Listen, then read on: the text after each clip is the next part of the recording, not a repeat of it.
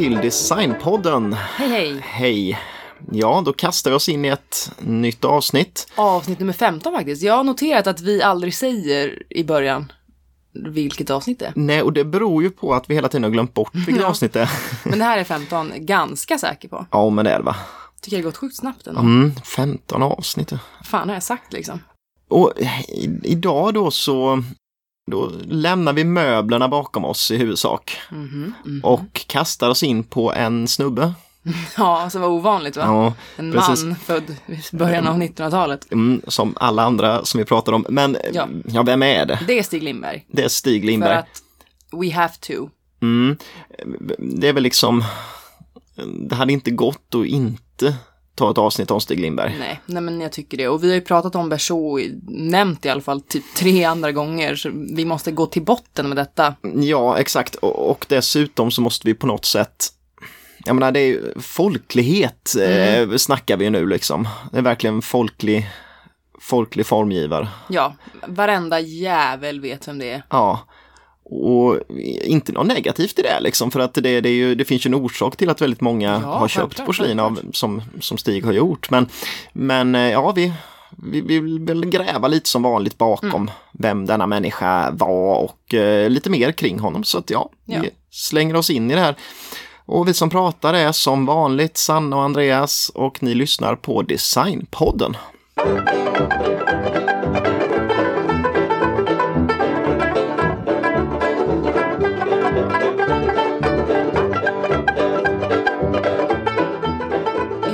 vi ju lagt upp det lite att jag tar eh, första delen av livet och du tar den andra. Mm. Så det blir väldigt så här, först snackar jag, sen snackar du, men det Ja. får gå ändå. Yes.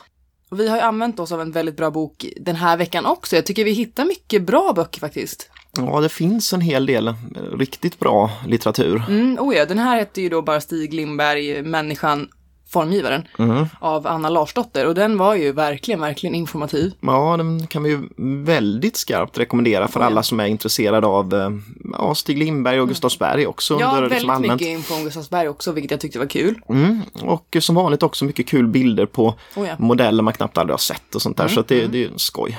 Exakt, så jag ska börja ta lite om hans uppväxt och så vidare. Ja, Stig då, Stig Fredrik Sigurd Lindberg. mm. Föddes 17 augusti 1916 i Umeå. just det. Så en norrlänning vi har att göra med. Jo du. Han var yngst av fem syskon. Mm. Folke, Åke, Gunvor och Barbro tycker jag är lite kul hur gubbiga och tantiga namn det är. Ja, det låter som liksom, ena avdelningen på vård. Mm, redan när de var kids, det, jag har ju svårt att fatta sånt, men det är för att jag är lite för ung. Skitsamma, moving on. Tydligen var han den busiga, så här, attention seeking. Men det kanske man blir när man är yngst av fem. Och inte helt förvånande när man tänker på honom sen där så Nej, precis, det var ju lite därför. passar rätt bra in i. Ja, precis. Stigs föräldrar var från Burträsk i Västerbotten. Burträsk. Ja. Och det här är ju det bästa i hela, för att pappan Ja. hette då Helof. Helof. Helof Lindberg. Och det, det kan vara det bästa namnet jag någonsin hört. Ja, Det är sällan man hör ett namn som man aldrig någonsin har hört tidigare. Exakt. Men som man ändå förstår är ett namn direkt. För man förstår ju att Helof, ja det är ju ett namn. Så. Exactly, och Men, det är ju ganska fabulous. Och han var i alla fall militär större delen av sitt liv. Efter andra världskriget dock så blev han föreståndare för Arbetsförmedlingen istället. Jaha, Det är lite random. Mm. Och eh, Stigs mamma Lydia var lärare tills hon fick barn då. ja, Det var så det gick till. ja och sen så, blev var hon hemma. hemmafru. Ja, Men sen faktiskt så började hon också jobba på Arbetsförmedlingen när kidsen hade växt upp. ja, så Så det var ju kul. det var Arbetsförmedlingen. Mm, Låter ju inte lika fantasifullt som kanske Stig sen fick Nej. jobba med. Men så var det. Tydligen också så placerade sig Stig i centrum alltid. Okej, ja. Han, eh, Redan som barn var han den här som skulle synas. precis ja, och det kommer vi till att det, det håller i sig. Mm. Och det har ju retat en del. Jag har nog retat gallfeber på många. Jag hittade en kul anekdot i Mm. boken också. Och det var att när Stig var 14 så ska han ha huggit av sig tumspetsen Jaha, när han högg ved. jaha, Och då ska han ha tagit med sig tumbiten ja, och åkt till sjukhuset själv Jaha. genom att eh, lifta med en latrinvagn. när han var 14. Ja. Ja. Och läkarna trodde tydligen att Stig var en sågverksarbetare som medvetet huggit av sig tummen för att få lite pengar i försäkring. Ja, För det var tydligen ändå ganska vanligt. att man gjorde det så Ja. för att få ut en slant. Ja. Och det, ja, så var det ju inte. Men eh, Stig ska under den här perioden i alla fall varit ganska musikalisk och spelade piano. Men vad helsike för alla. Man måste bara bryta in här för att det är Yngve Ekström Ja, eh, spelade ju och, eh, och eh, Bruno Mattsson spelade. vet, jag och han vet. spel, det, det är ju någonting det- med det här med instrument och, Och så här, konst- samma story, att det händer något och så ändrar de bana. Men är det något att, att det ändå är, är du konstnärlig så kan det liksom så här, Det kanske har varit lies också, eller? ja, För att det är väldigt, var det inte snarlikt Yngve? Jag har ju glömt bort redan. Men Yngve Ekström, Men- det var ju någon fiol va? Och det, det, fast det måste, det är ju det är ju inte så att du kan spela lite, ja, farfar kunde spela lite, men han kunde spela en låt och sen så ville ingen höra mer på någon sån där. Men, men, men, Ja, det men liksom, eh, är man bra på fiol då är man ju jävla bra och det verkar han ju varit. Så att, Mm. Men Och kanske, var Stig så bra också. de kanske ändå är där konstnärligt sinne på något sätt då. va? Jag vet inte, men var det inte något med att Yngve också gjorde... Och, Nej. men, men han var, höll på att vara tvungen att hålla på med det här, för det gick inget Ja, bra det, med ja. stolarna så det var det. Skitsamma. Han tänkte i alla fall bli musiker då, sägs det. Mm, Men det gick ju åt fan. ja, För att även om de sydde ihop den där tummen då, Mm. men den är inte liksom, det var inte same. nej. Så då blev han keramiker istället. Ja, så att det är ju också en av de här små anekdoterna som kan ha haft stor Ja, betydelse. det kan jag ha haft För tänk det. om Stig Lindberg hade varit den där kända musikern istället. Mm. Men Som också med tänk- tanke på hur narcissistisk och självcentrerad han var. Han har ju säkert gjort den här storyn så mycket mer liksom actionfylld än Mm, troligt ja. Men skitsamma. Kul anekdot i alla fall. Åter till uppväxten. Ja, 1927, då antogs han till Umeå högre läroverk. ja. Så här efter, efter han hade gått i grundskolan och gymnasiet och så vidare. Men det gick tydligen inte så bra. Nähä. Han var inte jättebra i skolan. Nej. Så han skulle till och med få gå om ett år. Mm. För så dåligt gick det. Men istället så flyttade han till sin syster Gunvor i Jönköping och började plugga där istället. För tydligen kunde han då liksom kita sig Jaha, ja, så ändå att, så att han fick börja just det, så att det, på det året han skulle. Efter tre år så tog han i alla fall en examen. Mm. Men han flyttar inte tillbaka till Umeå efter Nähä. skolan, utan 35 så sökte han till Tekniska skolan mm, i Stockholm. ja, Och vid denna tid så var hans mål tydligen att bli teckningslärare och det har jag inte läst någonting om innan att det skulle ha varit någonting. Men ja, ja, just det. tydligen i alla fall. Och han var ju som sagt inte så bra i skolan så han gjorde ju typ bara det han behövde och Ja. var väldigt tyst och så här under radarn så att säga. Jag tror att många av de här kreativa personerna har ju svårt att passa in eh, i skolsystemet och jag tror Mm. det är ganska så tydligt just i, i det här fallet att eh, han kanske inte var den där eleven som orkade sitta och eh, lyssna på vad läraren sa hela tiden. Precis, så är det också en återkommande att han tar inte heller examen. Nej, Han hoppar av hoppar av efter två år. de bästa tar inte examen. men det verkar ju så. Ja, men det är så. Fan, jag har en examen. En viktig kontakt som Stig skaffade sig under den här perioden dock, det var någon skulptör som hette Einar och någonting jättekonstigt i efternamn. Okej, ja. Luter, Ja, kort, kort. ja, det är så jävla skumt. Vi skiter i vad han hette i alla fall. ja. Men de två spenderade mycket tid i Einars keramikverkstad som han hade i källaren. Jaha, så det är därför han kommer i kontakt med keramik då, Mm. Stig? Precis, första gången. Och då lärde han sig om bränning och glasyrtillverkning och allt sånt som är viktigt. Så att det var ju uppenbarligen en stor impact. Var kanske en, en ingång till det som komma skulle då. För att sommaren 37, det var precis efter plugget, Ja, då behövde han sommarjobb. Mm. Och då vet jag inte varför, men då sökte han sig direkt till eh, porslinsfabriken Gustavsberg. okej, det Värmdö. var, ja. Och det känns ju, var det en slump att han sökte sig dit så är det också en sån här ödesnyck Mm, som verkligen. spelade in där. Och det här är också en ganska rolig story, men tydligen ska han bara ha gått in och talat med den här direktören Hjalmar Olsson. Och bara sagt så här, tja, jag vill ha sommarjobb. Liksom. Ja, Men eh, Hjalmar påpekar att det inte finns några jobb, för det var inga, det var inga good times, nej, 37. nej, nej, nej, det var ju dåliga tider hela 30-talet. Och då ska Stig ha sagt, om ni anställer mig så ska jag se till att det blir jobb för fabriken. Det är ju så jävla kaxigt, men också lite coolt. Mm. Och då, Olsson blev tydligen, alltså Hjalmar, blev tydligen imponerad. Ja, För han ville ge en chans då, så han låter Stig prata med den konstnärliga chefen, ja, Wilhelm KG. mm, Och Stig får visa vad han kan Mm. och så vidare. Och det var ju inte... Alltså han kunde ju en del då för att den här Einar hade lärt honom. Och så Ja, var, var- han ju uppenbarligen konstnärlig från grunden. Men hela det där keramiska var väl bara egentligen på amatörbasis ändå. Mm, det Liksom, han hade ju ingen keramisk utbildning eller Nej. något sånt alls. Men eh, KG är tydligen imponerad ändå. Så Ja. att han får sitt sommarjobb och eh, mer därtill. Mm. Inom kort är han omöjlig för KG att undvara. Ja, okej. Så han liksom verkligen gör sig Oumbärlig på företaget. Precis. Och det är ju så man jobbar. Mm. Och hans roll som assistent och springpojke varade inte så länge. Nej. Inom några år på Gustavsberg så hade han och KG en utställning ihop faktiskt. Och Mm. den blev väldigt populär och det var väl lite då det tog fart. Ja, på riktigt som, för Stig som eg, liksom egen formgivare om man säger. Ja. Fortfarande så höll han på att dekorera vaser och skålar som ändå var KGs design, men ändå. Så gjorde han dem, färdigställde han det och så. Enligt källor så ska Stig ha varit väldigt manipulativ också. Det är bara härliga egenskaper.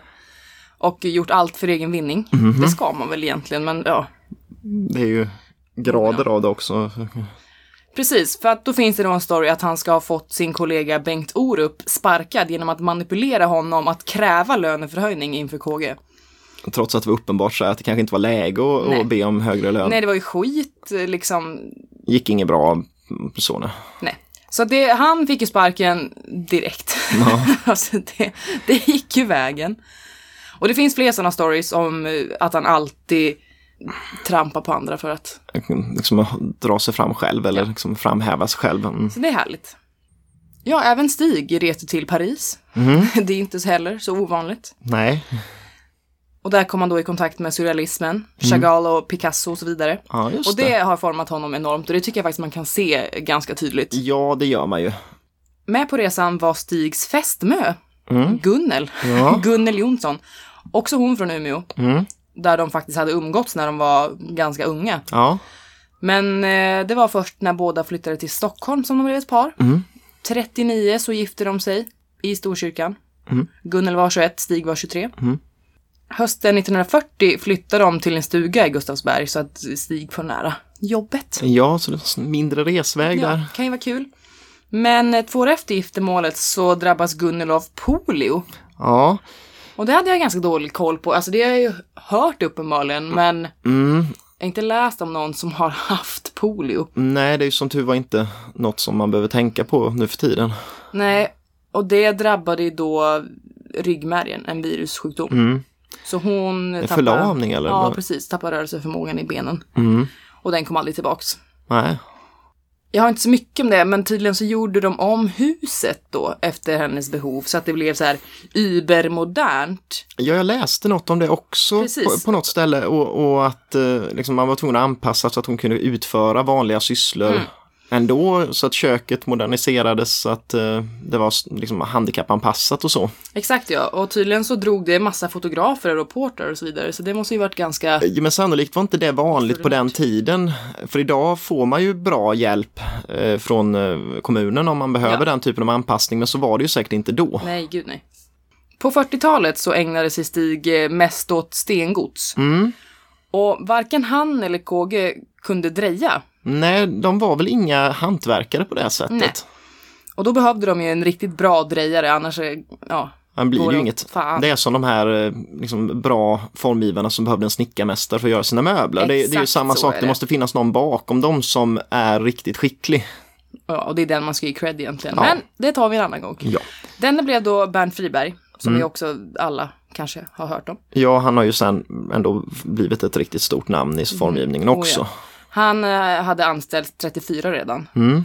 Och föremål som tidigare varit eh, tre delar kunde han göra i en del bara. Liksom ett stycke så kunde han göra sin. Precis. Så han blev verkligen, det var han som förverkligade deras skisser. Det var en förutsättning för att det som eh, Stig och KG gjorde Mm. faktiskt gick att göra också. Oh ja, sen har jag bara en sista liten anekdot som jag tyckte var lite vidrig. Ja, det var- absolut. Det var klädseln på Gustavsberg.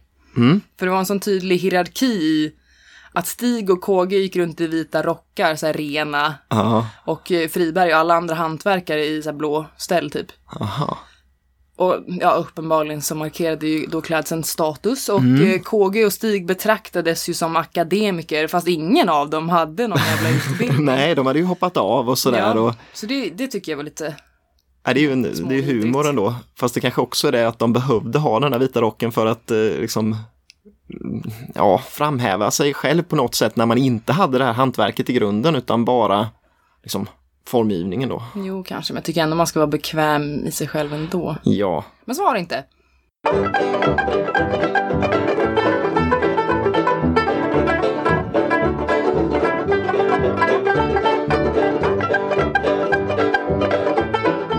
Nej, men jag tänkte väl prata lite om ja, tiden precis innan och sen när Stig blir konstnärlig ledare på mm. Gustavsbergs eh, studio. Ja, det är viktigt. Och man kan väl säga att, att till en början så var det ett ganska smärtfritt samarbete mellan Stig Lindberg och Willem Kåge. Trots allt va? För att, ja, det verkar så. Eh, alltså Stig Lindberg var ju totalt respektlös mot eh, alla andra där mm. och även mot Kåge då va. Men det verkar lite som att, att Willem Kåge såg det som eh, nästan lite humoristiskt och att han även eh, betraktade det som ett sätt att han behövde skärpa sig med för att verkligen eh, vara den bästa liksom, då på mm, studion. Mm. Och det finns beskrivet i ett, ett, ett, samtal som de har som en, i form av en artikel i tidningen Form från 1945. Och där säger bland annat då eh, Stig Lindberg om eh, KG och hans kollegor då att, att de var patetiska på 20 och 30-talet. Nej men gud, var innan han kom in. Eh, och eh, det var väl en sammanfattning av vad han tyckte liksom av det tidiga svenska formspråket. Mm. Eh, och ehm, KG å andra sidan menar att de hade inte de tekniska möjligheterna och Nej. inte de materialen som var tillgängliga idag. Och det var väl lite sätt för honom att försvara sig att jo, jo vi hade väl kunnat göra annat också men, men nu gick mm. inte det och nu mm. så. Um, men det är väl lite på något sätt Alltså KG verkar ju accepterat den jargongen från eh, mm, Stig Lindberg då.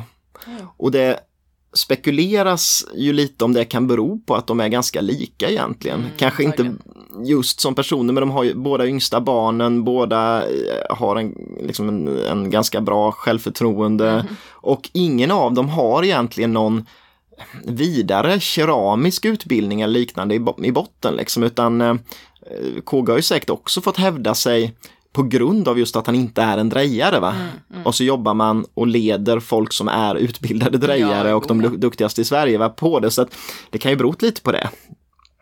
Och en lite kul grej som jag såg det var att eh, Wilhelm Kåge hette ju Wilhelm Nilsson från början så bytte Asså. han till Kåge och det var som en mm. sån här, ja, han ville väl vara lite mer speciell då, på något sätt. Mm.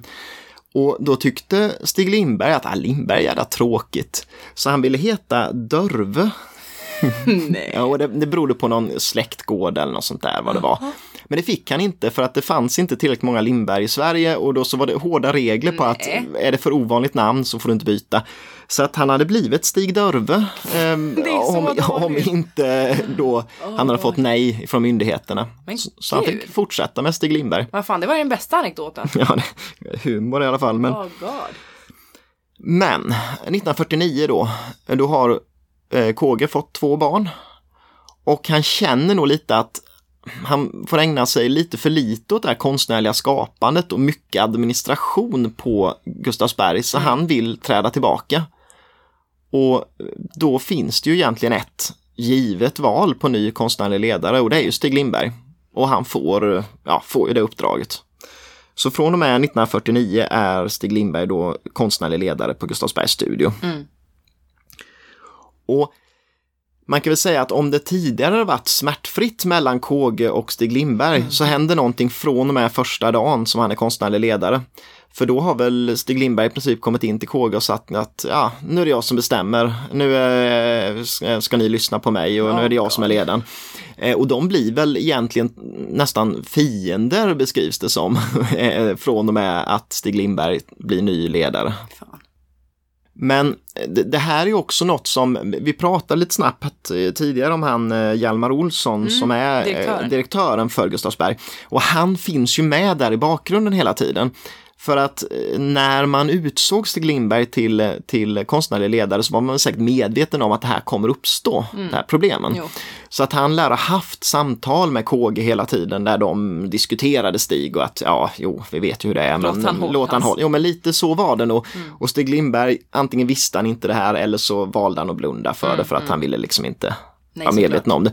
Så att eh, Stig Lindberg försökte väl eh, av och till att välja bort KGs grejer från utställningar och sånt. Men eh, det stoppades av, av Hjalmar Olsson så att eh, KG får fortfarande de bästa drejarna att göra hans föremål till exempel i Så sin jävla studio. småsint av Stig tycker jag. Jo, men det är ju det. Eh, och eh, jag vet inte, han lär ju inte varit så jätte... För, för jag menar, eh, 1953 så har KG en jättestor utställning på Nationalmuseum med Mm. sitt eh, keramik, det var väl Farstagodset som han ställde ut där. Och han har även en stor utställning i New York med Farstagods. Mm. Och där blir han ansedd som en av de tre bästa keramikerna i världen av den amerikanska pressen. Mm. Så att Det gick bra ändå. det gick bra ändå för KG eh, och Stig Lindberg kanske inte var jättenöjd över den uppmärksamheten som KG fick under den här perioden. Antagligen inte nej. Nej. Och Friberg var väl kanske, han lär ha muttrat lite och varit lite så här, satt sig på motvärn i smyg med lite sarkastiska kommentarer och så. Mm, lite bakom Eh, ryggen. ja, han kallade Stig Lindberg för skrivbordskonstnär. Eh, och det grundade sig mycket i liksom att eh, visst, Stig Lindberg kunde gå där med sin vita rock, men Mm, han precis. kunde minsann dreja en vas. Va? Så Ja, att, I agree with that. Mm. Men till saken hör ju lite det naturligtvis att Gustavsberg går väldigt bra under Stig Lindbergs ledning på, Mm. på studion. Eh, och 1955 har man tusen anställda på företaget och det är ju, det är ju ett stort företag. Mm, oh ja. Och det innebär ju att man börjar rationalisera och mekanisera liksom bara för att kunna hålla den takten som marknaden vill ha. Liksom man har en stor produktion man måste ha. Eh, Och då är det ju inte bara det här hushållskeramiken eh, som, som är stor längre. Utan 1945 så öppnar man eh, Gustavsbergs plastfabrik och 1947 badkarsfabriken. Va? Och det är ju sånt man tänker på idag också Oh ja, när man oh tänker ja. på Gustavsberg. Kanske främst egentligen är badkarsfabriken och toaletter och sånt. som, toaletter det är liksom, Det så det- men- de lär ju haft en marknadsledande ställning det, definitivt det i. Sverige på, på den typen av föremål. Och eh, där är ju Stig Lindberg den, liksom, den lysande stjärnan, den som medialt lyfts fram. Va? Eh, Så att det är han som syns i pressen och hela bilden av Gustavsberg under den här perioden är väldigt regisserad. Det har beskrivits hur de här dekormålarna, om det är äldre kvinnor som har suttit så togs de undan och så var det någon yngre tjej som inte kunde Nej. måla som fick sitta på bilderna då när det fotades i studion och sånt. Allt skulle vara så här perfekt. Då. Naturligtvis töntigt men eh, kanske, ja man ville ha en, en viss image i, i media. Ja, I. Ja, och det går bra, men Stig Lindberg börjar redan här bli fysiskt sliten. Och det är något som kommer att plåga honom resten av livet sen. Men han, han, han drabbas av någon eh, tarmkatarr som eh, förmodligen är en sån här typisk grej man kan få om man jobbar för mycket och stressar och inte vilar och äter dåligt. Liksom. Mm. Och jag tänkte lite så här att man kunde göra en nedslag i de här, för Stig Lindberg är ju, även om han jobbade i eh, keramikstudion, där man tänker på det här med studiohandeln och allt det här, Ja. så var han ju involverad i alla delar av företaget. För en tanke var att man som konstnär på Gustavsberg, då skulle man glida runt på fabriken och skulle man titta på de olika ställen och se vad kan jag bidra med här va? Det var lite härligt. Och när det kommer till emaljen till exempel, det var ju tänkt som en badkarsfabrik så det var ju plåt till badkar som man gjorde och emaljerade. Men där blev ju Stig Lindberg kraftigt involverad och han gjorde ju mycket emaljarbeten där. I Eh, badkaren. ja, typ. Fan vad coolt med ett dekorerat badkar. Mm, precis. Eh, för, för, Det finns ju fan inte. nej, det gör det inte. Why? Nej, för grejen var att det är ju även så här, det finns inte riktigt beskrivet hur det kom sig att Stig Lindberg började med emalj. För enligt honom själv så var det hans idé så att jo men jag ska börja med emaljarbeten, det kommer bli jättebra. Medan Hjalmar Olsson har skrivit i sina inom memoar och sådär att det var hans och ledningens idé att Stig Lindberg skulle börja med det. Så att det blev tror nog lätt det. att, ja jag tror att det blir lätt att när det går bra en viss idé så vill man gärna ta åt sig av den om man säger. Men hur som helst så eh, det blev en, liksom, man experimenterade och tog fram en teknik för att just kunna måla på de här förpreparerade plåtarna och sen så bränna emaljen och då kunde man ju rätt konstnärligt fritt måla på dem och göra olika mönster och kul figurer och sånt. Och där har vi sett, eh, det gjordes ju de här olika liksom, väggdekorationer och liknande, men även till exempel en utegrill gjorde ju Stig Mm. Lindberg. Det, Och det är en av hans coolaste grejer typ. Så det att det, det. emalj, emaljgrill fristående som skulle stå ute och skulle man grilla på den. Ja. Och eh, Stig Lindberg gjorde ju även ett, ett bord, eh, en en bordsskiva egentligen, som sen eh, David Rosén gjorde själva bordet då och den är en del av NKs Futura-serie. Så det dyker upp ibland på, på auktioner och så. Men även i plastfabriken var Stig Lindberg involverad ju. I allra högsta grad. Och plast, plastfabriken kom väl igång lite på grund av att liksom efter andra världskriget, det blev högkonjunktur, Sverige har inte varit med i kriget och folkhemmet växer fram. Och man ser plasten som det här nya moderna materialet som ska ersätta keramiken. Det är funkis. Ja, verkligen funkis. Och från början så var det visst en, alltså tanken var att man skulle göra fritidsbåtar men sen så ser man alla andra möjligheter med plasten. Och Stig Lindberg blandas i här. Så han, en, en grej han gör till exempel som många har sett, den här termosen, ehm, eh, Thermic, som eh, Stig Lindberg tog fram. Och det är ju här Stig Lindberg snuddar lite på att bli en industridesigner också. Men man ska komma ihåg att han är, han är ju inte det i ordets rätta bemärkelse för att han är ju ingen ingenjör och han har inte den bakgrunden utan han har hela tiden jobbat tillsammans med någon ingenjör eller någon som kan hjälpa honom. Det här går att göra men det här går inte. Han är bara tanken, verkligen. Ja, Tankeverksamheten. han tänker på formspråket. Men mycket saker struntar han i att göra just på grund av att det var så begränsat för det han ville göra gick inte att göra. Eh, till exempel fanns det tydligen någon tanke att han ville göra en toalettstol. Och den hade säkert kunnat bli jäkligt rolig va? Men, men sen struntar han i det för att det gick inte att hitta på en bra lösning tyckte han med vattenlåset på den till exempel och så. Det gick inte att strunta i direkt. Nej, det är ju dumt. Det är en jättedum idé. Och um, där ser man ju då att Stig Lindberg han jobbade ju inte bara inom keramikstudion förstås då. eh, Utan på andra delar av företaget. Men han jobbade ju även utanför Gustavsberg. Så att det gör att han har en väldigt så här, spretig, brokig repertoar på saker han har gjort. Jag tror att många tänker på textilier också. Mm. När man tänker på Stig Lindberg. Oh, ja. Och det här började väl ordentligt 1947 med en separatutställning på NK, på NK Bo då, som var nystartat då. Och där ställde han ut både textilier och fajanser. Eh, Och det var Astrid Sampe som var chef för NKs textilkammare som hade tyckt att Stig Lindberg skulle göra textilmönster och ehm, det var nog mycket tack vare henne som han kom in på den banan då.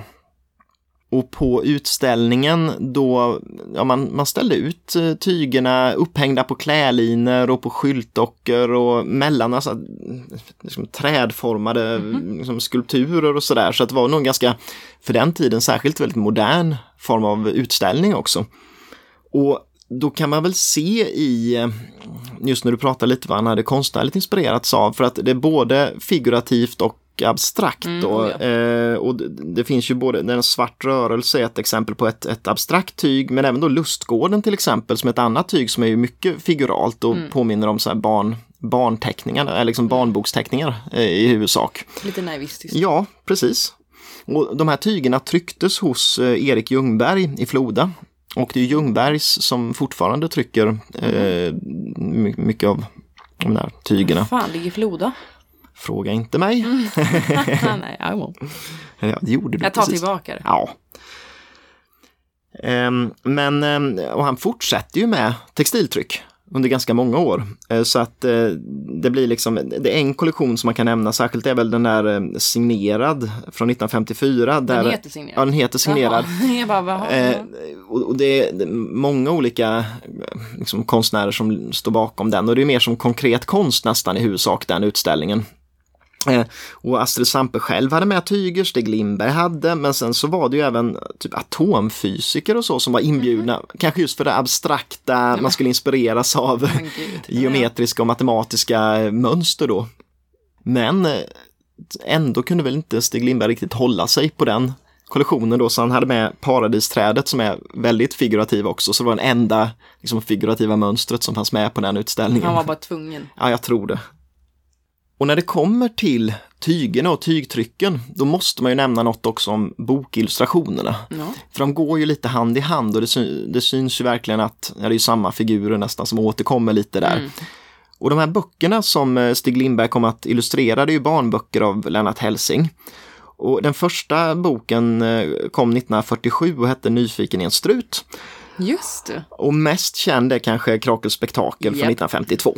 Och det beskrivs väl att Lennart Hellsing och Stig Lindberg var lite lika då. De var liksom eh, fantasifulla anarkister beskrevs de som, som hade liksom det här, allt det, mm, liksom, det spelar ingen roll om du är barn eller vuxen och det finns ingenting är bättre eller sämre utan du bara liksom Ja, på något sätt den här fantasivärlden som det verkar som KFs bokförlag som låg bakom de här böckerna. De ville ha den här lite modernare barnboken för det fanns inget sånt i Sverige. De hade sett i Danmark finns det och det finns i andra länder men i Sverige har vi det inte.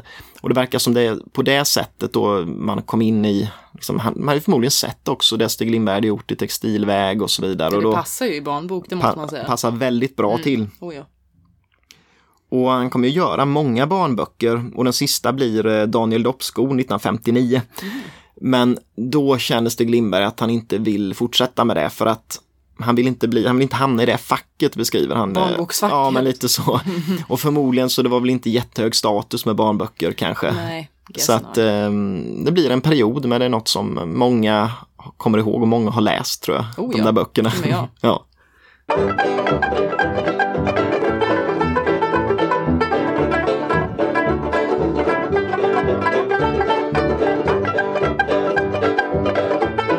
Men eh, Stig Lindberg, han kommer ju få tre barn. Mm. Eh, och det här sågs som ett lite av ett mirakel trots att hon var förlamad Ja, eh, och så vidare. Men de hade tydligen förlösts med kejsarsnitt men ju Det gått gick. bra. Ja, så 1951 f- kommer första dottern Vibeke och 1954 Marita. Och sen Lars kommer betydligt senare, 1962. Mhm. Men det här liksom påverkar ju givetvis ändå för att eh, Stig verkar ha velat vara hemma lite mer under den här perioden. Men sen samtidigt går inte det eh, att kombinera med jobbet som konstnärlig ledare. Nej. Så när han är hemma satt han mest i telefonen är det beskrivet som då. Mm, det. Men det är också här det kommer in den här hur viktigt det var med den moderniseringen av hemmet och som gjorde det möjligt för Gunnel var ju hemmafru här Mm, och eh, som typ väldigt många andra i Ja, Sverige. ja. Och, och det, det hade ju inte fungerat om inte hon hade kunnat liksom, fått ett hem som anpassat. nej. Och 50-talet präglas ju av en sån här framtidstro i Sverige. Man ville liksom man trodde på att allt var möjligt och alla hade råd och alla hade möjlighet att köpa och så vidare. Och därför så såg det ju ljust ut, förutom just, alltså Stig Lindberg var lite oroad bara över att svenskarna var väldigt traditionella och inte riktigt köpte hans det här fantasifulla formspråket och så. Man trodde inte man kunde ha så här serietecknade koppar i köket och så, utan det hängde kvar där 40-tals, liksom, det var det man var, ville ha. Precis. Så att därför ansåg han att konstnären var viktig på i ett företag, liksom att, att kunna övertyga på något sätt. Han hade nog en tro att folk var dumma ändå på något sätt och man måste lä lära dem vad som är snyggt Ja. och vad man ska ha. Ja, det är klart och han måste ju det. Jag tycker det återkommer ganska mycket att man ska inte lyssna på marknaden utan man ska göra det som folk ska ha, om man säger. Aj, aj, aj. Eh, Och på Gustavsberg under den här perioden i studion så fanns det ju ganska många konstnärer egentligen jämfört med på Rörstrand till exempel. Eh, Det var Stig Lindberg och sen var ju Wilhelm Kåge kvar och Bernt Friberg. Och sen Karin Björkqvist jobbade där och sen så Kalle Blomqvist och eh, Anders Liljefors. Så att de, de var ju ett gäng där som skulle ta fram modeller, även om Stig naturligtvis främst ville att hans saker skulle komma fram. Och det finns ju några berättelser där, bland annat då eh, Karin Björkqvist som hon jobbade under en period mycket med att liksom ren, rita rent olika skisser som eh, Stig hade gjort. Mm. Men så visade hon honom en dag eh, en skiss hon själv hade gjort eh, som var brun och svart med ränder. Och då sa Stig- då att ja, men det här är jättebra men jag har gjort exakt en sån tidigare så jag tar med den imorgon och visar hur jag har gjort den. Åh, Eh, och den blev Spisa Ribb som eh, presenterades på H55-mässan, liksom är en, en av de mest kända Han har inte gjort den serviserna. heller alltså. Nej, och sen ska man naturligtvis veta då att men Stig Lindberg har gjort väldigt liknande mönster tidigare och det är ju givetvis så att att han hade kunnat göra den och så vidare men det var ju inte han som ritade den utan det var ju Karin Björkqvist som ritade exakt med den färgkombinationen och den Mm, ställningsråd. Och hon blev ju inte särskilt glad och visade aldrig Stig Lindberg skisser mer utan Nej. det var ju först när hon hade ett klart mönster då. Oh my god. Då ska vi fortsätta lite på den vägen då va? Det måste vi. Eh, Som så vi alla har väntat på. Ja, så har vi Berså. Eh, Och Berså är ju, den kom 1960. Och eh, var ett mönster till LL-modellen. Det var ett porslin då som Stig Lindberg ritat själva själva kopparna och själva liksom, Ja. karotter och sånt. Formen. Och först gjordes den bara på karotter och skålar men blev ju ganska snart en hel servis och blev väldigt, väldigt populär. Och det gick ju till så här att em, en Christer Karlmark var student på Konstfack. Och på eh, liksom fritiden och när det fanns tid så jobbade han extra på Gustavsberg eh, som assistent. Och grejen var att eh, kromotekniken hade kommit eh, och eh, den går till så att man istället för att handmåla mönster så trycker man det på eh, litografiska ark, klipper ut mönstret och lim, eh, liksom sätter fast det på kopparna. Eh, och sen bränner man fast det där då. Ja, okej. men, men det är liksom, man klipper ut olika... Klipp och klister, Ja, liksom. klipper ut en blomma och placerar in den på rätt ställe på koppen och så.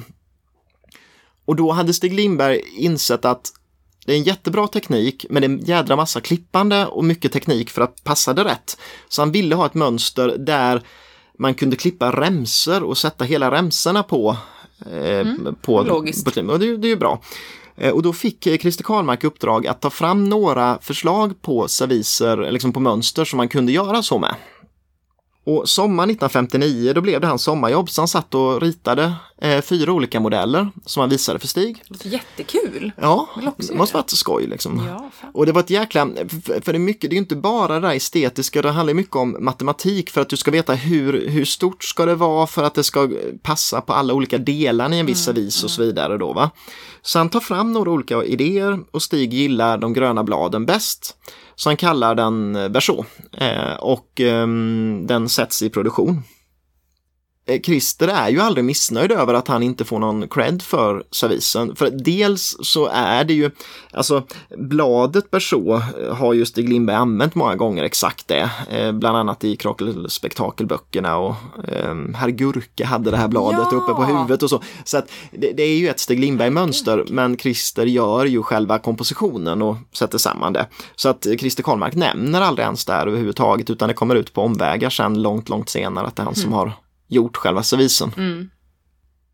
Sen eh, känner jag lite att eh, hela det här avsnittet om Stig Lindberg, det skulle kunna gå att göra hur långt som helst va? Oh ja. Eh, för det är ju en, en man med väldigt många strängar på lyran och eh, så vidare. Va? Men, Tacky sagt. Eh, ja, fy fan.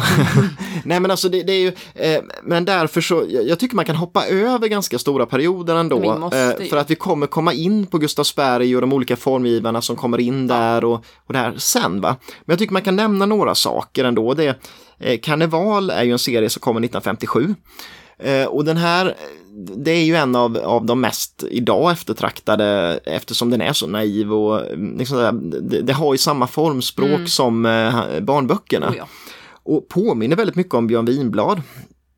eh, Som är en dansk formgivare som gjorde saker mycket för Rosenthal bland annat. Och flera figurer där är ju nästan exakt likadana som Stig Mm, Ja, Lindberg. väldigt Så att de. Det var nog inte så mycket att de snodde av varandra utan mer att de hade det formspråket Ja, helt enkelt och det passade nog bra i tiden. Och den här serien kom i 32 delar med allt från stora vaser till små askkoppar och så vidare. Och sen har jag också tänkt att helt hoppa över H55, alltså Helsingborgsmässan 1955. Eh, bara för att det kanske vi också kommer in på någon gång i framtiden. Men, men man bör nämna eh, ett par serviser där ju, eller serier. Och det är Terma bland annat. Mm, Eh, och Terma är ju en sån här funkis-servis verkligen. Det är, den, allting byggde på att man tog fram då ett nytt material på Gustavsberg som man utvecklade ihop med AGA som ju, ju gjorde spisar bland annat. ja. Eh, Och man kallade Novalit det här. Och tanken var just att det skulle tåla att vara i ugnen eller att, så det, Stig Lindberg gjorde även stekpannor till exempel i det här materialet. Med blandat resultat, eh, kanske var risk att det fastnade och sådär på dem, men, men det var ändå, det tålde ju eh, i alla fall. Och tanken var att det skulle bli funkis. Det, eh, den, den skulle liksom, man skulle ha köttbullarna i ugnen i den här formen, så ställer man formen direkt på bordet. och så, så behöver man inte ha massa extra Nej, disk och sånt. Det är skitbra. Och det coolaste med den är väl egentligen att, att han kallade färgen på den för dödskalleblodröd. Eh, och det är den ju inte utan den är ju så brun, brunaktig men sen, det är lite så röd sk- skiftning Fast i vad den. vet Lite. du om dödskalleblod? Nej, det vet man ju inte. Nej. Och tanken var också att den skulle funka tillsammans med just spisa ribb. Och det gör den ju väldigt bra för att gå ihop det här bruna. Eh, så man skulle ha det ja, tillsammans. Med dödskalleröda. Ja, Match made in heaven. exakt. Eh, och Domino kommer ju också till H55 och Domino är ju den här också där påverkar den konkreta konsten där det är ett geometriskt mönster, det är svart och vitt eller brunt och vitt, eh, eller, liksom, eller helbrunt är det väl. Ja. Det, det, ja, det finns ju någon sån variant. Eh, och det är ju vaser och askkoppar och cigarettställ och så vidare. Askkopparna känns ju Mm. vanliga. Ja, de är vanliga och sen så dyker det upp en del askkoppar som är med någon företagslogga och sådär också på. Eh, och den, eh, ska man säga, den går väl ganska hand i hand med den där Astrid Sampes, den här signerade eh, liksom, kollektionen av textilierna så att man ser att det är inspirerat av den konkreta konsten där. Men 1957 då till slut, då slutar Stig Lindberg som eh, konstnärlig ledare på Gustavsbergs Ja. studio. Och det har beskrivits som att eh, Hjalmar Olsson äntligen kunde pusta ut. För att i praktiken så hade man varit tvungen att sparka Stig annars. Och det berodde ju inte på något vis på att han att han inte gjorde roliga saker och sådär utan det var väl att han gjorde sig omöjlig helt enkelt genom Ja, att han framhä han framhävde sitt eget på bekostnad av bra idéer som hade varit bra för företaget. Ja. Ett tydligt exempel är Karl-Arne Breger till exempel som var väldigt stor med plasten. Mm. Eh, Men där vill ju Stig vara den enda lysande stjärnan så Breger slutar ju och startar egen, egen eh, verkstad istället. Och det är ju inte hållbart i längden och sen är det ju en, in, en, en ganska infekterad strid mellan Stig Lindberg och Karin Björkqvist. Eh, där.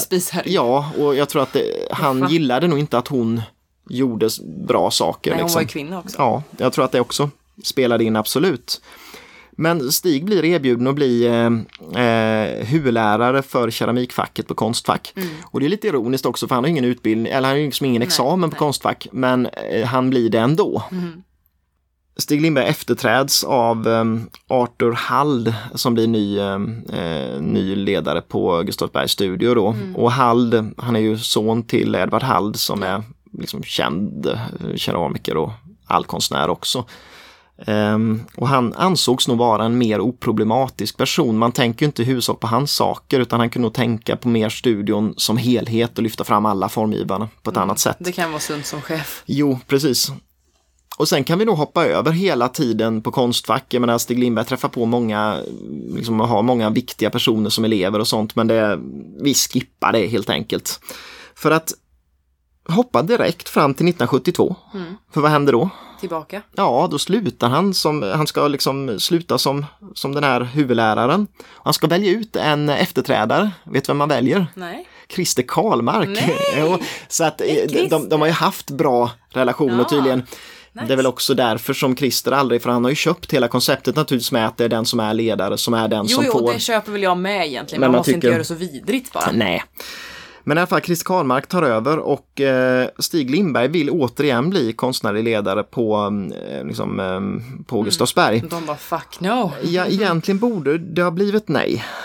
Men det finns inget så här konkret varför han fick bli det igen, men Det fick det hade ju hänt mycket på Gustavsberg. Eh, och eh, Hjalmar Olsson fanns inte kvar längre, han slutade 68 redan.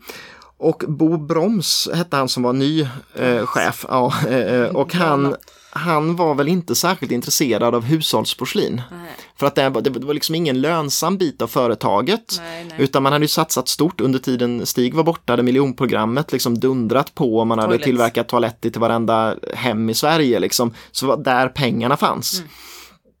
Så att han får bli ny, han får återkomma till sin gamla tjänst helt enkelt. Mm. Men det här måste ju blivit lite, alltså man vet inte hur mycket Stig visste om hur det såg ut på Gustavsberg då. Eh, För att han trodde kanske lite att det såg ut som det gjorde innan, men det gjorde det verkligen inte. Nej. För alltså på Gustavsbergs studio, då hade automatiseringen dratt igång väldigt mycket hårdare än tidigare. Så här putsningsarbete gjordes av maskiner, till och med mycket hänkling, alltså sätta dit hänklar på koppar och sånt gjordes också automatiskt. Och det fanns inte många målare kvar. Utan det var ja, dekorer som kunde sättas med maskiner eller sättas just med färdigtryckta mönster. Så att där hade det ju hänt väldigt, väldigt mycket.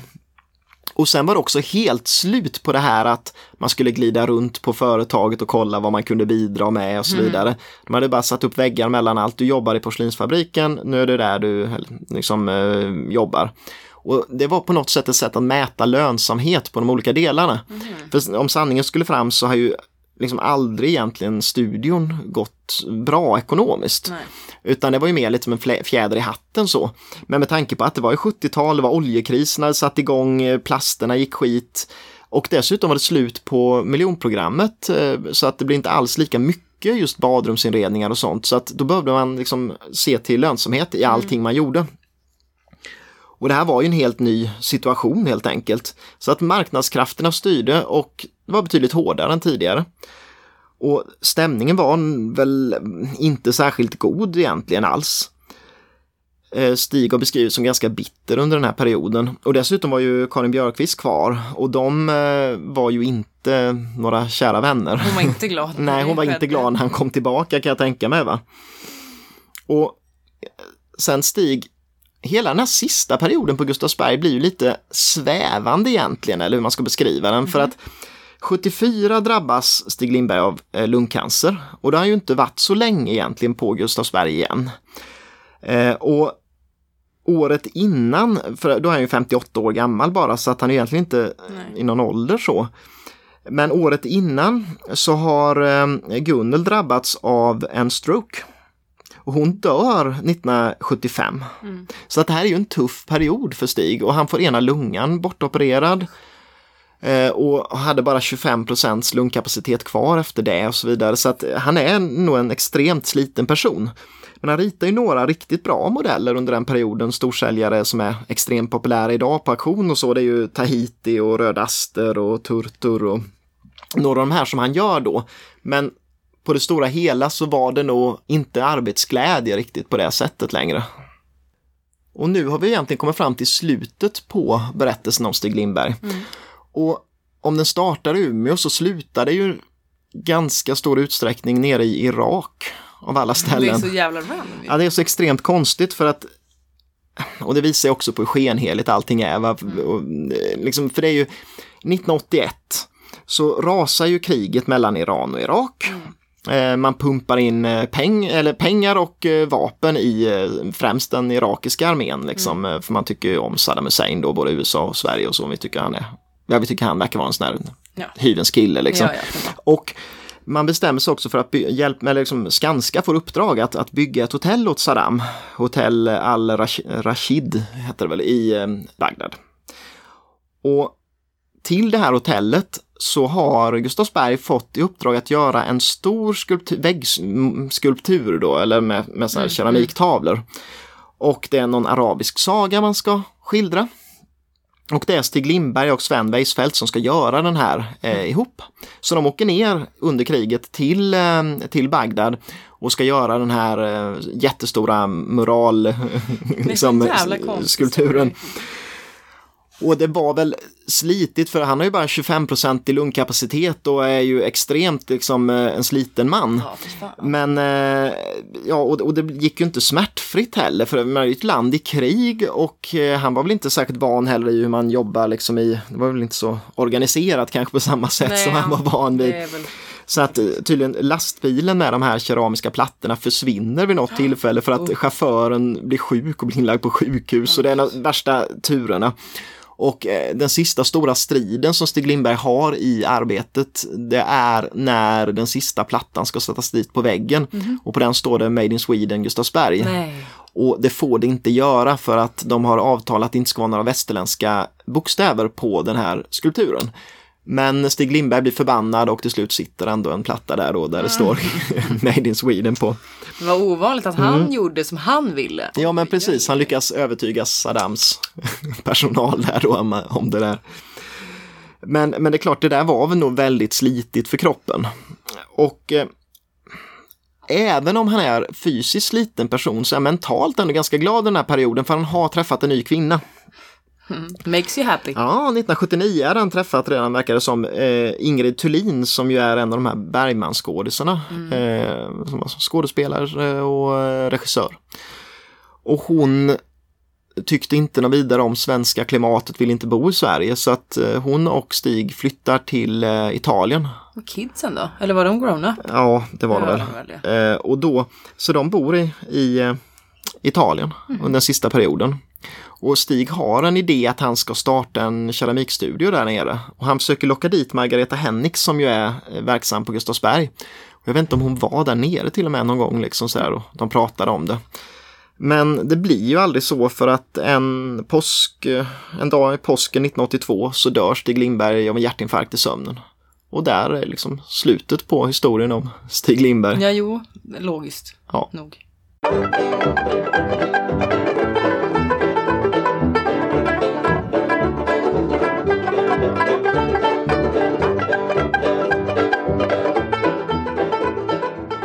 Ska som vanligt avsluta avsnittet med lite klubbslag. Mm, det är alltid... Och nypriser, för det finns det ju lite av. Ja, exakt. Det produceras ju fortfarande. Och det är inte jättekul att prata om Stig Lindberg och auktionsklubbslag, men Nej, för att det, det är ju liksom, även om det är extremt populärt så är det ju inte så mycket av det som kostar jättemycket. Nej. Och han är ju väldigt, väldigt, väldigt vanlig på auktion. Finns ju alltid någonting. Absolut, om man kollar nu på något sånt här, liksom på nätauktionerna Ja. så finns det säkert hundra grejer Ja, jämt man kan sagt. köpa liksom. Och vanligt som fan är ju Berså. Mm. Och såna här väggreliefer med Alltså, ja. ansikten på. Spisa ribb och så, ja men det mesta är ju populärt Ja. egentligen. Men än den här eh, utegrillen som Ja. du tog upp. Det är ju väldigt ovanlig. Den är i emalj ja. Mm. Mm, precis, och den såldes för 73 500 Mm. för inte så länge sedan. Ja, Så det är ju lite annan prisbild än jo men precis det blir ju en sån här en designklassiker egentligen mer. Det är Ja, nästan det som en jag. sån möbel. som vi tycker är ja. designklassiker. Ja, Stig. Lindberg utegrill. Men eh, ganska mycket olika vaser som har gått väldigt dyrt också. Och Mm. det är inte så kul att prata om för det är så här. Jag kan inte säga så mycket mer än att det är en kägelformad vas som är blå. Mm. Som klubbades för 70 000. Mm. Men så det låter ju inte så extraordinärt. Nej, men det visar väl på att det finns ett väldigt stort intresse, särskilt för de här studio, liksom mer unika studioföremålen. Mm, den var från 58 den där. Mm.